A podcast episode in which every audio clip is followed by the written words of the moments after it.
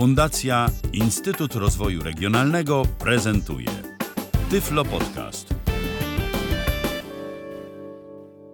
Witam wszystkich w moim pierwszym Tyflo Podcaście, a dziś poruszę temat aplikacji Włomike. Jeżeli nie posiadamy mikrofonu w naszym laptopie, tudzież komputerze lub jest on na tyle słaby, że ciężko nas z niego zrozumieć, możemy użyć tej aplikacji.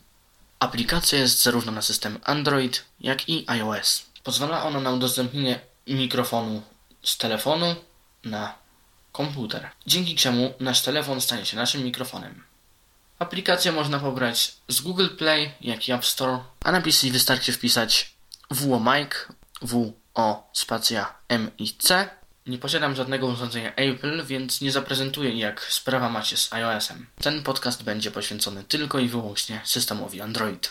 Jedyne co wiem o aplikacji na iOS to to, że jest uboższa jeśli chodzi o metody transportu i wspiera niestety tylko Wi-Fi. Abyśmy mogli używać WMIK jako naszego mikrofonu, musimy zainstalować dwie aplikacje. Oprócz samego programu potrzebny nam będzie sterownik. Możemy go znaleźć na stronie producenta pod nazwą WMIK Driver Signed EXE. Po zainstalowaniu tych dwóch plików możemy już przejść do konfiguracji programu. Uruchamiamy na nim aplikację WMIK Urządzenie zostało odblokowane. WOMIK. WOMIK. Start. i szukamy Settings. settings. Kliknij. WOMIK Settings. Wyświetlam element. WOMIK Settings. Pierwszą opcją jest wybór transportu. Mamy trzy metody: Bluetooth, Wi-Fi oraz USB. Zaprezentuję tylko te dwie ostatnie, ponieważ na moim komputerze nie posiadam Bluetooth. Transport. Transport Wi-Fi. Mam już ustawione Wi-Fi i od tego zaczniemy, bo to najprostsza metoda transportu, lecz niestety wadliwa. Jeśli nie posiadamy zbyt dobrego internetu lub jesteśmy trochę bardziej oddaleni od routera, dźwięk będzie nam się niestety wścinać. Następnie w opcjach wybieramy porty. Po wybraniu opcji zmiany portu otwiera nam się pole edycji, w które możemy wpisać nowy port. Control Port 8125. Możemy zostawić dwukrotnie, by domyślne uaktywnić. Media Port 8126. Kliknij dwukrotnie, by i mamy jeszcze możliwość wybrania mikrofonu, z którego chcemy być słyszani. Audio Control. Audio Source Voice Communication. Jeśli już skonfigurowaliśmy aplikację na telefonie, pora przejść do konfiguracji na PC. Aby dotrzeć do ustawień naciskamy lewy Alt i strzałkę w prawo. Teraz strzałkę w dół. Po oznaczeniu tej opcji, za każdym razem, gdy uruchomimy aplikację, będzie podejmować próbę połączenia się z telefonem. Ta opcja pozwala ustawić nam porty, jakich aplikacja będzie używać. Muszą być takie same jak na telefonie, a po pierwszym uruchomieniu na komputerze należy je skonfigurować. Ja już ten krok mam za sobą, więc mam takie same jak na telefonie.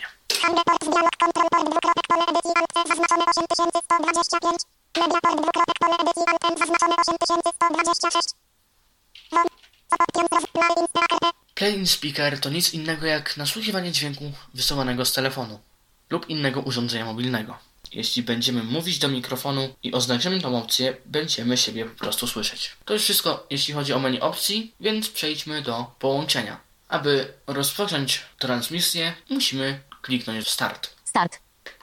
Stop. a następnie sprawdzić wyświetlany komunikat, gdzie będzie podany konkretny adres, który musimy wpisać w polu do tego przeznaczonym. Setting. Więcej opcji. Started. Please connect by Wi-Fi 192.168.0.14. Naciskamy Alt, rozwijając menu Connection i wybieramy Wi-Fi. To przycisk radiowy, który sam się oznacza, więc nie musimy tego za niego robić. Mamy wpisany już poprawny adres. Czasem jest on zupełnie inny, aczkolwiek w tym przypadku wystarczy już teraz nacisnąć tylko Enter. Aplikacja niestety nie powie nam, że jesteśmy połączeni. Aby sprawdzić, czy wszystko działa poprawnie, możemy włączyć nasłuchiwanie poprzez Plain Speaker lub też sprawdzić, czy opcja Connect jest dalej dostępna. To oznacza, że zostaliśmy poprawnie połączeni. Zademonstruję teraz brzmienie telefonu poprzez Wi-Fi. Tak brzmi mikrofon z telefonu transmitowany poprzez Wi-Fi. Jak słychać, aplikacja dodaje sobie sama taki odszumiacz i nasz mikrofon niestety jest odszumiony. Z tego co słyszałem w wersji premium nasz mikrofon może być nawet w stereo. Co jest dość fajnym gadżetem dla ludzi, którzy lubią brzmieć w dwóch kanałach. To, co było właśnie słychać, to przycięcie się z Wi-Fi. Tak robi i niestety tego nie zmienimy. Przejdźmy więc teraz do transmisji USB.